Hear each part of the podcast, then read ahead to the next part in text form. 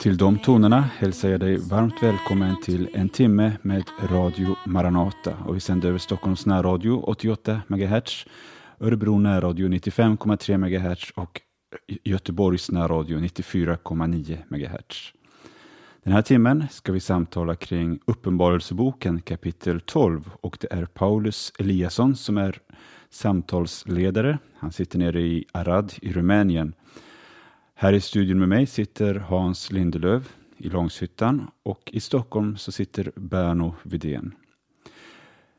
Vi lyssnar till den här sången som vi hörde några toner av i början. Det är Kristina Imsen som sjunger Vem är hon som är långt mer än alla pärlor värd. Vem är hon som är långt mer än alla pärlor värd som i denna världen lyser upp i all sin färd Se hur hon arbetar på det fina vita liv Vem kan denna sköna jungfru vara? Snart av lammet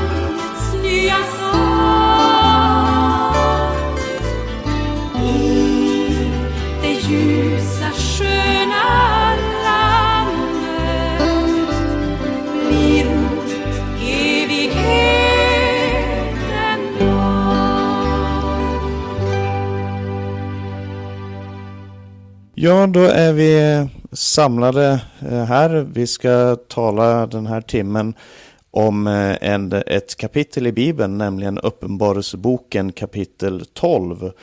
Eh, och Uppenbarelseboken är ju skriven till sju församlingar under förföljelse eh, som upplevde en del inre konflikter. Några, en av församlingarna står det hade förlorat sin första kärlek. En del hade börjat kompromissa med världen. Några upplevde sig svaga och maktlösa. En församling upplevde en väldigt stark förföljelse. Eh, medan några församlingar eller en församling upplevde sig själv som rik och mäktig och behövde ingenting. Och in i den situationen så kommer Johannes med den uppenbarelse som han fick ifrån, ifrån Jesus Kristus. Och han berättar i kapitel 12 en historia som, som där eh, rollerna känns bekanta, i alla fall i vår tid och i eh, historieberättning. Det handlar om en kvinna i nöd, det handlar om hennes barn, det handlar om eh, en eldröd drake och det handlar om en eh, ängel, ärkeängel som eh, griper in i den här situationen. Och eh, Så det är lite bekanta och kanske också till viss del obekanta eh, eh, karaktärer i den här berättelsen. Och vi ska försöka tala någonting om det här den närmaste timmen. Och vi som är här eh, samlade via internet. Det är eh, Hans Lindelövs som tillsammans med eh, är tillsammans med Sebastian Vidén på Långshyttan. Sebastian håller i tekniken här och Hans ska delta. Och så har vi också Berno Vidén som är i Stockholm och jag själv som är i Arad i Rumänien. Och vi ska börja tror jag med att läsa den här texten.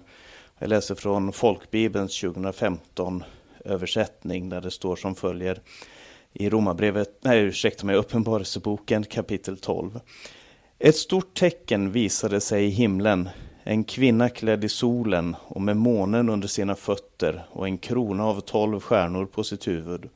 Hon var havande och ropade i barnsnöd och födslovärkar. Och ett annat tecken visade sig i himlen och se en stor eldröd drake med sju huvuden och tio horn och sju kronor på sina huvuden. Hans stjärt svepte med sig en tredjedel av himlens stjärnor och han kastade ner dem på jorden och draken stod framför kvinnan som skulle föda för att sluka hennes barn så snart hon hade fött det. Och hon födde ett barn, en son som ska styra alla folk med järnspira, och hennes barn rycktes upp till Gud och hans tron. Kvinnan flydde då ut i öknen, där hon har en plats som Gud berett för henne, så, så att hon får sitt uppehälle där i 1260 dagar. Och det blev en strid i himlen. Mikael och hans änglar stred mot draken. Och draken och hans änglar stred, men han var inte stark nog och det fanns inte längre någon plats för dem i himlen. Och den store draken, den gamle ormen som kallas djävul och satan och som förleder hela världen kastades ner på jorden och hans änglar kastades ner med honom. Och jag hörde en stark röst i himlen säga Nu tillhör frälsningen och makten och riket vår Gud och väldet hans mode för våra bröders åklagare är nedkastad, han som dag och natt anklagade dem inför vår Gud. De övervann honom genom Lammets blod och genom sitt vittnesbörds ord. De älskade inte sitt liv så högt att de drog sig undan döden. Jubla därför ni himlar och ni som bor i dem, men ve dig du jord och du hav, för djävulen har kommit ner till er i stor vrede eftersom han vet att hans tid är kort. När draken såg att han var nedkastad på jorden förföljde han kvinnan som hade fött sonen. Men kvinnan fick den stora örnens båda vingar för att flyga ut till sin plats i öknen, där hon skyddad från ormen får sitt uppehälle under en tid, tider och en halv tid. Ormen sprutade då vatten ur sin mun som en flod efter kvinnan för att svepa bort henne med floden. Men jorden hjälpte kvinnan, den öppnade sin mun och svalde floden som draken sprutade, ut, eh, som draken sprutade ur sin mun. I sitt raseri mot kvinnan gick draken bort för att strida mot hennes övriga barn, de som lyder Guds bud och håller fast vid Jesu vittnesbörd, och han stod på sanden vid havet. Det är kapitel 12 och som sagt det är en del av en större historia naturligtvis. Eh, eh, kapitlen innan och efter ger ytterligare ljus till det här. Men eh, vi ska försöka säga någonting och jag får väl fråga dig Hans, de här karaktärerna som vi möter, kan du säga någonting om dem? Vad, vilka är de och vad, vad har de för betydelse? Du får börja med vem du vill. Ja, alltså det är ju, det är ju någonting här verkligen som finns eh, djupt förankrat i skriften. Kvinnan och draken. Gossebarnet. Det handlar om, eh, om, om Guds löften här. Och det märkliga med den här kvinnan då, hennes position. Med himmelens stjärnor om sitt huvud och solen till sin klädnad och månen under sina fötter. Eh, men hon, eh, hon, hon liksom eh, framträder, trots denna skönhet är det liksom inte hennes det är inte det hon, hon, hon utmanar inte med skönheten utan det är en kvinna som ropar, står det. I barnsnöd och födslovånda. Och som eh, är eh, uppenbart hotad. Draken, står det, står på sin vakt. Den här draken är väldigt på sin vakt.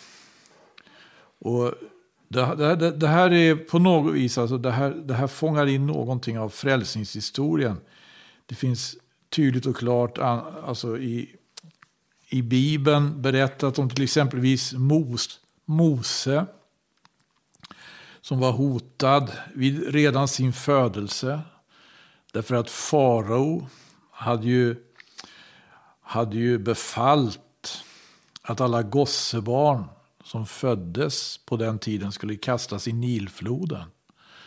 Alla gossebarn som föddes av, i, i Israel, Israel som på den tiden var i Egypten, men hade blivit trälar där.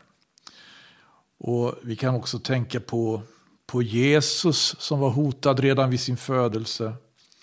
Därför att konung Herodes hade befallt att alla gossebarn i ett visst område då, i Betlehemstrakten skulle dödas. Det här kommer man ju att tänka på. Och eh, det, det är en, ska vi säga, det, är mycket, mycket, det finns, det finns som, som jag sa, det är djupt förankrat i Bibeln. Men eh, när det gäller gossebarnet så har jag ju också frågor. Jag kan inte ska påstå saker och ting bara utan vidare. Men eh, det är någonting med det här gossebarnet som är, jag vet inte vad jag ska säga, väldigt eh, speciellt. Eh, man kan tänka nu här också naturligtvis på, på löftet. Det, det, det finns ett löfte att det, eh, kvinnan ska få... Eh, kvinnans säd ska söndertrampa ormens huvud, står det. Det här är det löfte som gavs redan i första Mosebok åt, eh, åt Adam och Eva. Då de hade fallit och de hade frestats. Och då nya villkor, inte paradisets villkor längre, får gälla för dem. Utan de blir utdrivna, som det heter, på den mark som Herren har förbannat. Men då säger Gud, han talar till ormen, han talar till kvinnan, han talar till, till mannen. Han säger till ormen först i, i vers 15 i första Moseboks tredje kapitel. Jag ska sätta fiendskap mellan dig och kvinnan och mellan din säd och hennes säd. Denna ska söndertrampa ditt huvud och du ska stinga den eller stinga honom i hans häl. Här, den här spänningen, den här konflikten mellan ormens säd och kvinnans säd, eller mellan ormen själv och kvinnan, den kommer ju verkligen, den skildras ju på ett sällsamt sätt i Uppenbarelsebokens tolfte kapitel. Ja, precis. Eh, får fråga dig Berno också, har du, har du eh, några tankar eh, antingen någonting som du vill belysa eller så från, utifrån skriften om de här karaktärerna, kvinnan, hennes eh, förstfödde son och draken som det talas om här. Mm. När, jag, när jag läser Uppenbarelseboken först så det finns ju ett centralt tema som handlar om en strid mellan Guds rike och Satans rike. Och eh, den utspelar sig och på, på, på ett ja, väldigt påtagligt sätt just Uppenbarelseboken. Och här i tolfte kapitlet så läser vi om draken och där förklarar ju Bibeln att eh, det är den gamle ormen eller det är Satan som vi kan läsa om också i Uppenbarelsebokens tjugonde kapitel. Och Det är alltså en strid där djävulen, som också är ett namn då, Eh, leder till att han blir utkastad från himlen. Det finns alltså inte längre någon plats för honom och så förflyttas hela den här striden ner på jorden. Och där möter vi då eh, kvinnan i fokus och gossebarnet. Och eh, spontant tycker jag att eh, kvinnan för tankarna till ja, dels Israel men också eh, församlingen på sätt och vis. Det finns ju eh, kopplingar däremellan. Och gossebarnet, där har vi ju Jesus själv då. Det, det, det är mina spontana tankar just kring de eh, eh, personerna. Och när det står om en drake så vet vi att det är ju ett symboliskt tal för det finns ju ingen drake på det sättet i skapelsen. Utan det beskriver ju verkligen upproret och ondskan och det här vansinnet mot Gud. Och raseriet då som eh, tar sig utspel i det här kapitlet eh, det, det, visar på ett tydligt sätt tycker jag Guds rikes seger över ondskans andemakter. Jag kan nöja mig med ja. det så länge jag är Ja, jag, jag får dela mina egna tankar om det här också. Jag får säga att jag, eh, vi har ju inte diskuterat så mycket. Vi har, vi har gett det här temat och så har vi eh, var för oss satt oss ner med, med skriften och, och, läst och gjort oss våra tankar. Och jag menar, det här är en, eh, någonting som Eh, både Berno och Hans är ju bibellärare i, i församlingen och vi, vi har ju många gånger kommit tillbaka till, till de här texterna. Men för att man diskuterar ju mycket, vem är den här kvinnan som är klädd i solen med månen under hennes fötter? Och jag tror att det är en, en tanke, en guide till vad det är tal om, är just det att hon har tolv stjärnor i en krona. Och talet tolv är ju helt klart en, en symbol som används mycket i Bibeln i Gamla Testamentet för Israel och i Nya Testamentet också om församlingen, inte minst i Johannes uppenbarelsebok, eh, i Uppenbarelseboken. Och, och, det tycker jag talar just för det här som du nämnde Berno, att, att det här handlar om Guds riket. Att det handlar om eh, Guds vilja uttryckt på jorden kan man säga. Och när det gäller den här förstfödde sonen för att det står sen att hon får flera barn och att draken för strid mot hennes andra barn också, men den förstfödde son. Och där är ju diskussionen den här, handlar det om kristna eller handlar det om, om Kristus? Eh, för att det står att eh, barnet ska styra med järnspira och om man läser i Johannes uppenbarelsebok kapitel 2, vers 26-28 så står det till församlingen i Tyatira att den som segrar ska få eh, styra tillsammans med mig med järnspira, säger Herren, som jag har fått den makten. Alltså Jesus har fått den makten, så ska han också ge den till sin församling. Men i kapitel 19 och vers 15 så står det om mannen på den vita hästen, att eh, han ska styra folken med järnspira. Eh, så, och sen så står det att han rycks upp till Gud och hans tron. Eh, I kapitlet innan i Uppenbarelseboken så står det om de två vittnena att de rycks upp till himlen. Det står en, stäm, en, en röst kommer från himlen som sa stig upp hit och de återuppstår och kommer upp till himlen. Men samtidigt så i, Markus evangelium kapitel 16 och vers 19 så står det om Jesus som stiger upp till himlen. Så jag tror, jag tror att summa summarum så, så ser man att det här är Kristus. Det handlar om, om Jesus själv som, som kvinnan föder fram. Och som Hans sa här, kvinnans säd ska söndertrampa ormens huvud. Du har den, han som nu är en drake, han var från början en, en eh, eh, den ormen som de mötte i, i Edens lustgård. Då var han redo när kvinnan kom för att, eh, för att äta, så, så var han redo och nu så står han också redo i den här eh, situationen. Jag vet inte om du Hans vill säga någonting mer om, om den här draken. I vers 9 så står det den gamle ormen, ormen djävul, Satan, han som förleder eh, han som, eh, han som förleder hela världen. Eh, jag tänker på det här att det som eh, lärjungarna såg på den här tiden, eller de församlingar som Johannes skrev till på den här tiden, det de såg var ju romerska makten. Men det verkar som att Johannes vill peka på en annan verklighet som ligger bakom. Har du gjort dig några tankar om det? Ja, jag kanske kan säga något om det, men jag, skulle, jag vill ännu inte riktigt släppa det här gossebarnet. Om jag får tillsammans med er eh, uppmärksamma vissa saker som gäller gossebarnet så är det ju helt tydligt att det finns, eh, det finns vissa här, alltså tydliga drag som leder tankarna till Kristus.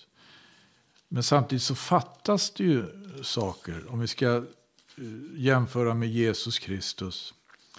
Gossebarnet som fött, föddes, ja. På, på, ett, eh, på ett underbart sätt i, i, i följd av Guds löftesord. Som en gång ska styra alla folk med järnspira, ja, som du sa. Du, du nämnde om eh, sändebudet till Teatir. Du nämnde också om att det står om ryttaren på den vita hästen. Men det står också i psalm 2. Va? Det är ett löfte till Messias. Och så att det här barnet blir uppryckt till Gud och hans tron. Då har vi som sagt det här med uppryckelsen. Eh, det finns ju ett löfte som gäller Jesus. Det finns det i Jesajas 53 kapitel. Hans liv ska ryckas bort från jorden. Men vi kan också konstatera att det, om vi till bara tänker på Johannes, eller Jesajas 53 kapitel så är det ju någonting som inte det här gossebarnet eh, som inte finns bara hos gossebarnet. Det är ju lidandet. Det finns det ju inget utrymme för. Därför gossebarnet rycks upp till Gud och till hans tron innan han har hunnit erfara något. Jag tycker det här är, är värt att, att uppmärksamma. Eh, därför att eh, det finns också... Eh, ja, och, och, det gör alltså att man kan fundera på eh, lite mer kanske om, om eh, vem egentligen gossebarnet är. Men då det gäller draken det är också att lägga märke till här. Jo, jag skulle säga det också, om vi talar om draken här, så eh, det löfte som gäller Jesus, det var ju att han skulle söndertrampa ormens huvud. Det kommer inte heller fram om det här gossebarnet. Han räddas undan ormens käftar, undan drakens käftar.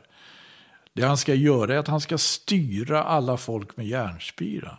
Ja, det löftet gällde Jesus, men det gällde också, som du såg, det gällde också församlingssändebudet i Tyatira. Och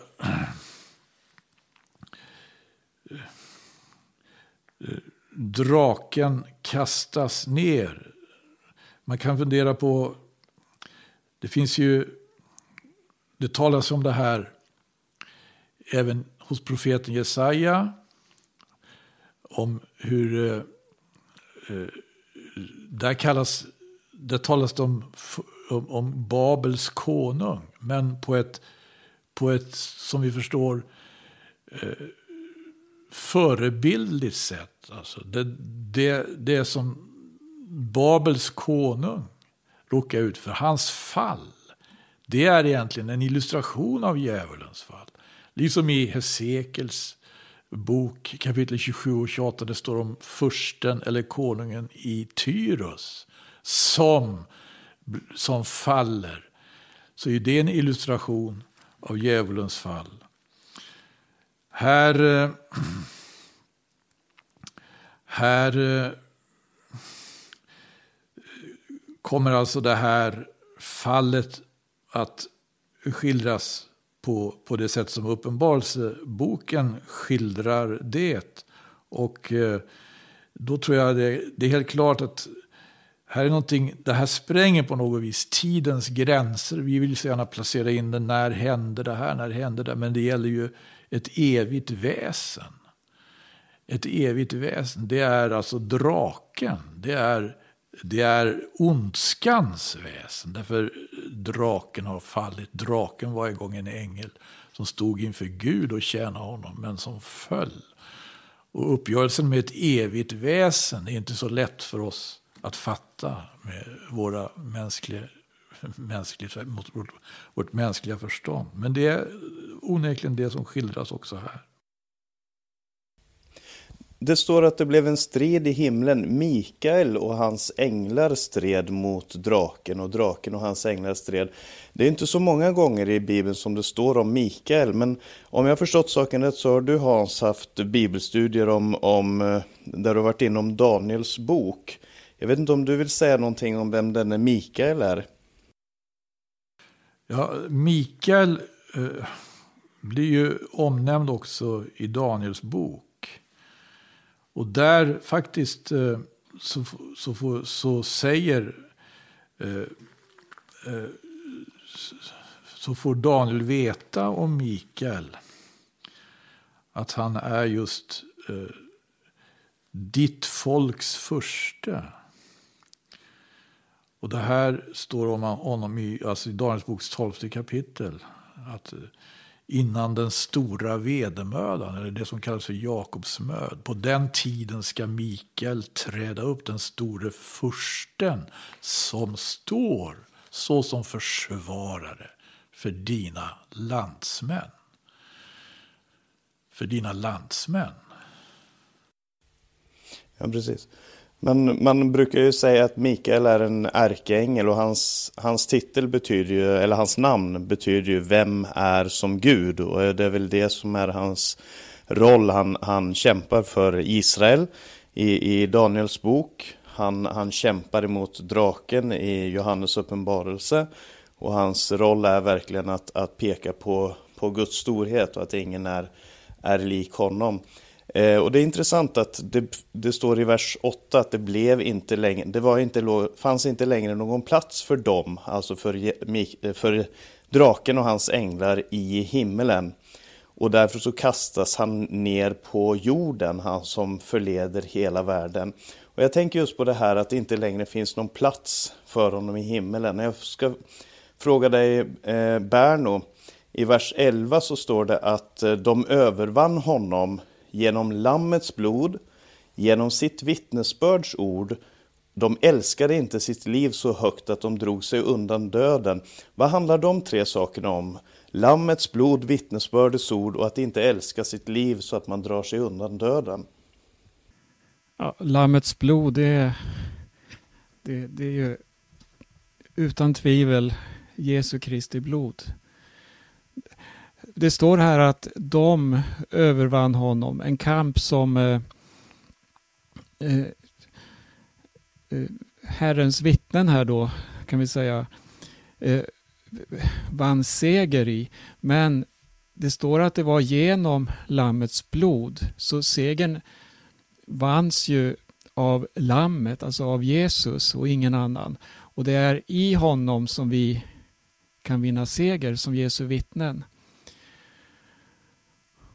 och att de inte älskade sitt liv så högt att de drog sig undan döden. Det här kan vi läsa också om i trons höga visa, alltså Hebreerbrevet 11, när eh, trons hjältar presenteras, de som älskade Gud så högt att de är ja, de, de, de såg ingenting här i tiden, inga lidanden, inga umbäranden, ingenting var för svårt. Bara man fick vara med och bära fram vittnesbördets ord, alltså bära fram budskapet om Herren Jesus och leva för evangelium. Och, och det, här, det här möter man ju i hela Nya Testamentet, men också i den kristna historien. Det, det, det, det kommer också i våra dagar på ett oerhört markant sätt eh, fram just det här vad man får bära för namnet Jesus. Just fientligheten mot Krist, eh, Kristus framför allt. Det är ju också fientlighet mot hans lärjungar. Det, det, det finns, det, det, ja, det hänger samman vad som en enhet. Vi är hans kropp här i tiden. Och det, ja, det här, det här är väldigt starka verser faktiskt, när man läser. Jag, jag, tänker på det här när han säger genom sitt vittnesbördsord. Och jag, jag tänker för, för att Johannes använder det här uttrycket mycket om vittnesbördet. Eh, på grekiska så, så, är det ju just det ordet som vi använder också för martyr. Eh, att martyr, martyria heter eh, ordet på, på grekiska och det är det som vi använder för, för, för martyr också. Alltså, de, de gav sin bekännelse, de bekände. Ibland så säger vi att vi ska ha vittnesbörd i möten och så vidare, men jag, jag tror att det här framförallt handlar om att, att hålla fast vid Jesu Kristi ord och, och sin bekännelse, sin frimodiga bekännelse. Eh, det var det som förväntades av de kristna, eller rättare sagt, det var det som förväntades att de inte skulle göra i den här världen. De skulle säga nej, de skulle eh, eh vägra, eller de skulle, de skulle förneka namnet. Men Romarbrevet eh, 10 säger att var och en som bekänner att Jesus är Herre, Eh, Jesus Kyrios, det var, eh, kejsaren han förväntade sig en, en, en bekännelse som var att kejsaren är Herre, Kaiser Kyrios, men den kristne sa Jesu Kyrios, Jesus är Herre och det är ju, det är ju vårt vittnesbörd. Och då får man helt enkelt ställa in sig på det här att eh, man älskar inte sitt liv så högt att man drar sig undan döden. Det var väldigt verkligt för dem och det är fortfarande väldigt verkligt för många kristna idag. Mm, men det är väl, jag tänker på vittne och martyr, det är ju egentligen synonymer. Det betyder ju samma sak. Eh, på, på ett sätt, jag tänker på det, när det står här att djävulen då blev utkastad från himlen. Det fanns ingen plats längre. Då, då möter man ju den här frågan eh, ibland då. Men hur kunde djävulen överhuvudtaget vara i himlen? Hur kunde han finnas där inför Guds tron? Denna heliga plats. Hade han någon makt där? Hade han något inflytande? Eller det, det, det, är frågor som man möter ibland. Hur kan djävulen finnas i himlen? Jag, jag tycker att det, det, är en intressant fråga och, och du kanske har, har, flera tankar där, men det, men det ser man ju flera gånger i Bibeln att eh, i Jobs bok så träder åklagaren fram, det är första gången som det här Shatan, eh, namnet Satan används i, i, eh, i, under Jesu tjänst när, han, när lärjungarna kom tillbaka och sa att till och med de onda andarna lyder oss, så säger han Jag såg djävulen falla som en blixt ifrån himmelen. Det verkar som att det är ett, på, det verkar som att det är ett pågående verk, det här utkastandet av djävulen ifrån himmelen. För, därför att så länge det finns en anklagelse så har han en, en tillgång till himlen. Jag vet inte vad du tänker om det? Jo, alltså jag, jag, jag det, det, står ju aldrig någonstans att djävulen befaller, att han har makt på något sätt i himlen. Däremot så inser han att han måste också lyda Gud. Han kan inte gå längre än vad Gud tillåter. Och han, på, på ett sätt agerar han under Guds domäner, alltså i Guds tjänst. Och ett tydligt exempel tycker jag vi har när Jesus var frestad, som vi kan läsa om då, när han var 40 dagar i öknen. Så kom djävulen dit för att fresta eller för att pröva honom. Och, och det här hör man ju ofta då att nu ska vi se om Jesus faller och om han kommer att synda och sådär. Men, men faktum är att det är djävulen som förs av anden ut i öknen. Han är så illa tvingad att gå dit. Att han, han visste mycket väl att han skulle möta Jesus och Jesus var överman. Jesus, han hade inte en chans att mäta sig mot honom, men han fick gå dit ut för att Jesus skulle prövas enligt skriften och bevisas vara den han var. Eh, ungefär på det sättet kan man också se djävulens position då i himlen. Han gör sina försök där, men han är bunden. Han, han kunde inte göra något. För det finns en seger som har vunnits på ett helt annat plan ja, i före tidernas begynnelse så att säga. Lite så tänker jag. Ja. I, I Romarbrevet 8 och 33 så står det också det här att eh, eh, vem vill anklaga Guds utvalda? Gud är den som frikänner. Eh, jag tänker att det också är en sån eh, fantastisk text. Eh, jag får fråga dig Hans, det står här i vers 10 och jag hörde en stark röst i himlen säga, nu tillhör frälsningen och makten och riket vår Gud och väldet hans morde. För våra bröders åklagare är nedkastad och han som dag och natt anklagade dem inför Gud. Vad är det som gör att frälsningen, maktet och riket tillhör Gud och väldet hans morde? Vad, vad är det som, när blir det en verklighet? När får vi se det och, och, och vad betyder det att det redan är en verklighet i himmelen? Ja, när, när du gör jämförelsen med, med Romarbrevets åtta så tror jag nog att, eh, att det är en väldigt riktig jämförelse. Eh, liksom vi kan ta flera exempel på när apostlarna i sina brev undervisar om vad frälsningen innebär. Så innebär ju det en väldig seger över djävulen. Det, det, är en seger över synden. Det är en seger över döden. Och det, det, är, det, det är en seger som inte i alla avseenden kan upplevas förrän de här avgörande momenten sker. Eh, då det kommer också alltså att eh, innebära att det blir en eh, en, en erfarenhet som så att säga vi gör med hela vår varelse. Då. Det ska inte vara någon sorg, det ska inte vara någon synd, det ska inte vara någon död i, i den tillkommande härligheten. Och det är ju avgörande moment, alltså i slutfasen, som antyds eller som riktigt eh, framställs just i de här kapitlen både kapitel 11, kapitel 12 och kapitel 13 i Uppenbarelseboken. Ja, precis. Eh, jag tänker på eh, det här när det står nu tillhör frälsningen och makten och riket vår Guds och väldigt hans morde. Alltså det är det som är målet, att riket ska bli helt och fullt hans. Jesus är Messias, han är konungen, han som ska regera.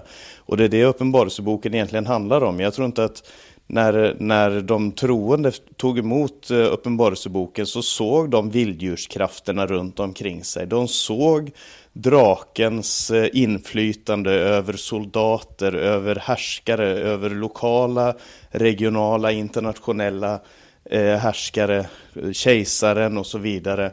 Men Eh, så eh, Uppenbarelseboken är inte skriven som skrämselpropaganda. Den är skriven som en tröst, en hjälp, en uppmuntran till förföljda församlingar för att säga i himmelen så är djävulen redan utkastad.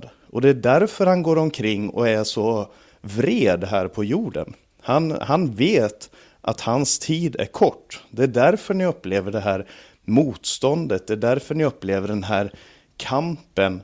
Eh, det är därför ni, ni står mitt i den här förföljelsen.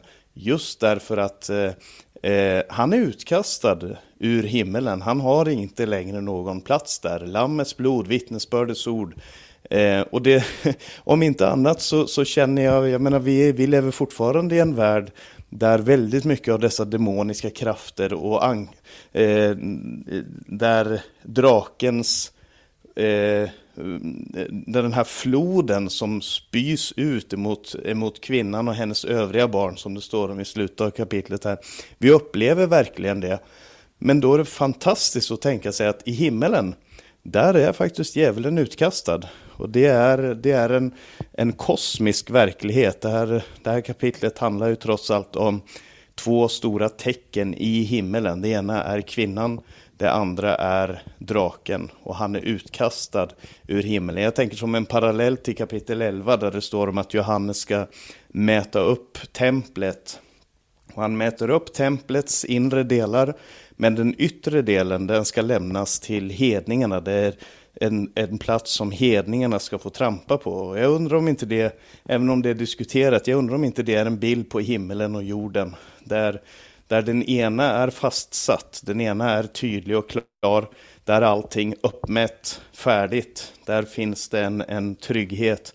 Men så finns det en yttre förgård också som är jorden där vi fortfarande upplever att eh, Guds rike inte har, har trängt in helt och fullt än.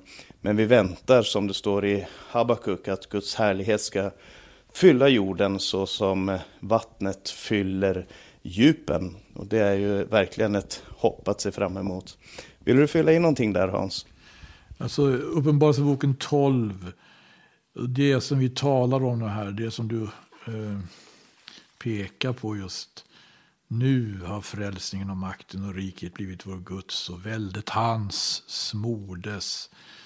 Eh, det, jag tror det är samma som aposteln Paulus skriver om i, i första Korinthierbrevets 15 kapitel. Jag bara läser de här verserna från vers 20 där. Men nu har Kristus uppstått från de döda såsom förstlingen av de avsomnade. Ty eftersom döden kom genom en människa så kom också genom en människa de dödas uppståndelse. Och så som i Adam alla dö så ska och i Kristus alla göras levande. Men var och en i sin ordning. Kristus såsom förstlingen, därnäst vid Kristi tillkommelse det som hör honom till. Därefter kommer änden då, när han överlämnar riket åt Gud och Fadern sedan han från andevärldens alla furstar och alla väldigheter och makter har tagit all deras makt. Ty han måste regera till dess han har lagt alla sina fiender under sina fötter. Sist bland hans fiender blir och döden berövad all sin makt. Ty allt har han lagt under hans fötter. Men när det heter att allt är honom underlagt då är uppenbarligen den undantagen som har lagt allt under honom. Och sedan allt har blivit sonen underlagt, då ska också sonen själv ge sig under den som har lagt allt under honom. Och så ska Gud bli allt i alla. Precis, som, som Uppenbarelseboken säger att nu tillhör frälsningen och makten och riket vår Gud och väldet hans moders Gud ska bli allt i alla. Det är olika sätt som, som Bibeln uttrycker det här på, att Gud ska regera, att eh, freden ska regera, att eh, himmelen ska invadera jorden och så vidare. Och jag tänker just på det här hoppet, och där får jag fråga dig Berno till sist.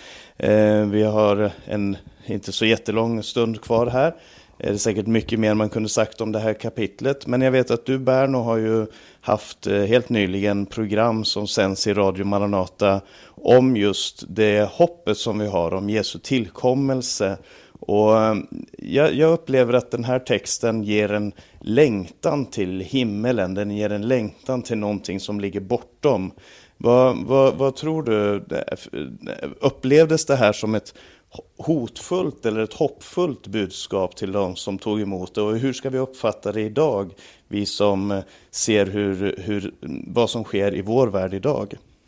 Alltså bara, bara det vi läser i den här versen som ni, ni har talat om lite nu då. Det handlar ju om ett totalt nederlag för Satan och en fullständig seger som proklameras. Och, och Satan har kommit för att stjäla, slakta och förgöra. Men Jesus har kommit för att ge liv och övernog. Och visst är det ett hoppets budskap. Tänk att, att få med, med så enkla ord bara peka på Jesus och veta det att den här segern som handlar om människan, den är vunnen en gång för alla. Det, det är ett hoppets budskap och det, det lyser igenom också i den här texten. Den här texten den är ju på ett sätt svårtolkad men, men eh, det lyser ändå igenom eh, så tydligt det här att det är en seger som har vunnits och djävulen är besegrad. Och, och det, det, får vi påminna om och peka på att den som har vunnit seger, det är han som kan ge dig ett evigt liv. Det är han som kan hjälpa dig här i tiden så att du får frid, så att du kan vila i honom. Du kan lita på hans ord och veta att han kommer snart för att hämta dem som hör honom till. Alltså, det, det handlar om gemenskap, att vi för alltid ska få vara tillsammans med Jesus. Och då blir det, när man läser om de här trons hjältar som fick bära detta lidande, ja det väger lite jämfört med det som vi har i Herren Jesus Kristus. Eh, ja, vi kan tala om hoppet väldigt mycket här och eh, hela Bibeln är ett hoppets budskap. Ja, och det, det här, eh, vi kommer liksom tillbaka till, till den samma grundtanken som verkligen finns i hela evangeliet, oavsett vart man vrider och vänder sig när man läser Guds ord så, så kommer man tillbaka till det här. Kristus som segervinnaren, Kristus som människans eh, eh, frälsare. Han som är eh, uppfyllelsen av alla löftena i Bibeln, ända ifrån det vi läste i Första Mosebok. Och jag hoppas att det här samtalet som vi har haft nu om, om Johannes uppenbarelse ska, bli, ska kunna göra kanske texten lättare att förstå för de som har lyssnat. Men framförallt att vi ska se ännu en gång att det som ligger i fokus i skriften, det, det är eh, Kristus och hans seger. Det är eh, den förtröstan som vi kan ha till Jesus Kristus. Och för att sammanfatta det vi har talat om här, den här det här kapitlet som kan, kanske kan upplevas som kryptiskt eh, och som sagt, vi har inte uttömt på något som helst sätt. Och det finns många olika tolkningar av den här texten. Men det vi såg här, det var en kvinna klädd i solen som föder ett gossebarn. Det är en svag, eh, det, det, är liksom en, en, svag, maktlös kvinna som ropar i födslovåndor. Hon föder ett barn och det står en drake som är beredd att uppsluka det här barnet. Sen så rycks det här barnet upp ifrån, till himmelen. Det finns ingen möjlighet för draken att komma åt Eh, det barnet därför att det uppstår en strid i himmelen där eh, en ärkeängel går ut i strid. Folkets försvarare går ut i strid emot den här ängeln, emot den här draken menar jag, och övervinner honom, kastar ut honom ifrån himlen och det finns inte längre någon plats i himlen och då ropas det ut, nu är frälsningen Herren och hans smordes.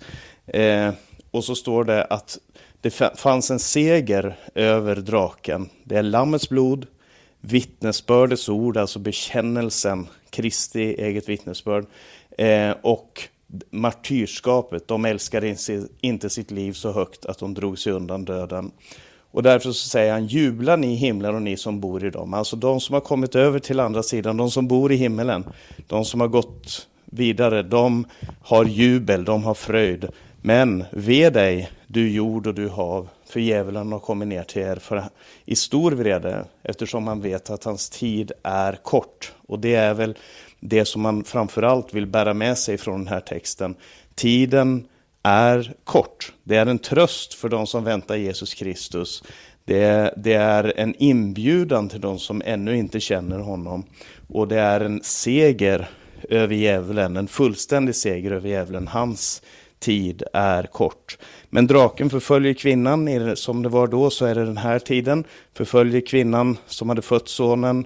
Eh, men det finns ett skydd ifrån den högste. Och jag vet inte, vill du avsluta med några ord här Hans och, och ge oss en hälsning?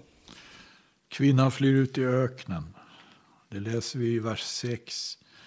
Och vi läser detsamma i vers 14. Men däremellan hade vi en strid i himlen. Och däremellan så kastades djävulen ned från himlen. Och kvinnan behöver styrkas extra då med den stora örnens två vingar.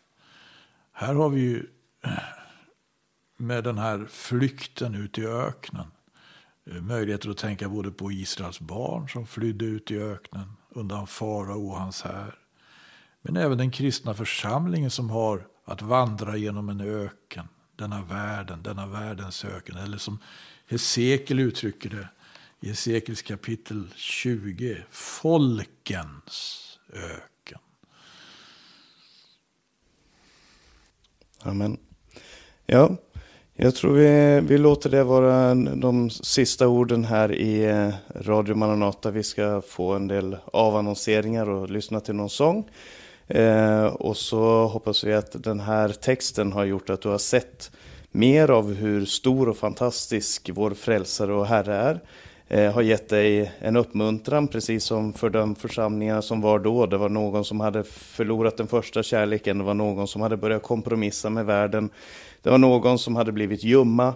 Det var några som upplevde förföljelse och några som upplevde att de var svaga. Var du än befinner dig, i vilken situation du än befinner dig, så hoppas jag att den här texten ifrån Guds ord och hur vi har eh, att eh, även om vi inte kan ge alla svaren på allting, att du ska se att vår eh, kärlek till Guds ord och, och, och, vår kärlek till Gud framför allt eh, är det som lyser igenom här i Radio Maranata. Så önskar vi allesammans Guds rika välsignelse. Vi som har talat här, det var Hans Lindelöf som var med från Långshyttan tillsammans med Sebastian Widén som höll i tekniken även om vi inte hörde honom. Eh, Berno Widén som var i Stockholm och jag, Paulus Eliasson, som var i Arad i Rumänien. Och så önskar vi alla våra lyssnare Guds rika välsignelse och på återhörande.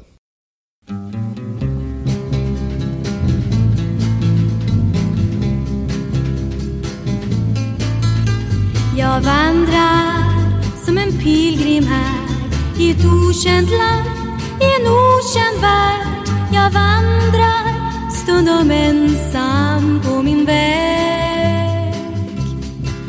Men himlen är det mål jag har, dit står min längtan varje dag. Till staden där var tår är torkad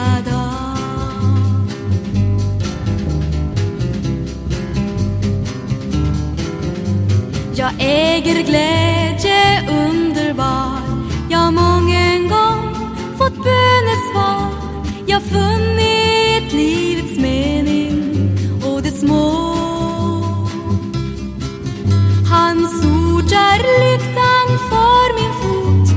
Han älskar mig, han tar mig emot Av nåd jag är hans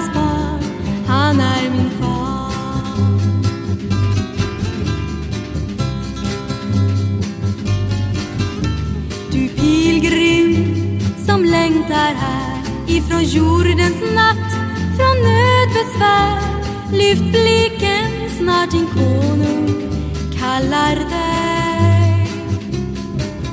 Till bröllop i en övre sal, till frihet ifrån nöd och kval. Du nått ditt mål, din längd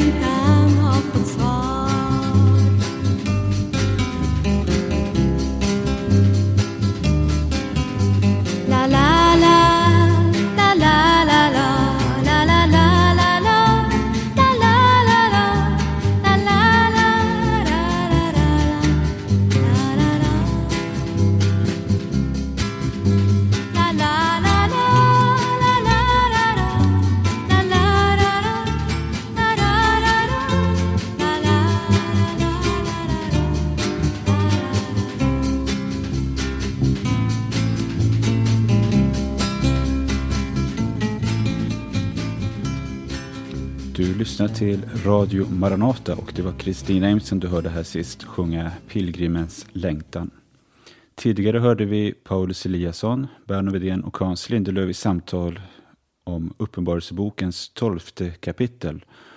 Och eh, Radio Maranata som du lyssnar till sänder varje morgon klockan åtta över Stockholms närradio 88 MHz och varje måndag och onsdag kväll klockan 18. Befinner du dig i Örebro så hör du oss på Örebro närradio 95,3 MHz och vi sänder samma tider där, alltså varje morgon klockan 8 och måndag och onsdag kväll klockan 18. Över Göteborgs närradio sänder vi också 94,9 MHz och då är det tisdag kväll klockan 21 samt lördag klockan 15. Vill du ha mer information och kontakt så är du välkommen att besöka vår hemsida på www.maranata.se mejla oss på info eller ring oss på 070-201 60 20.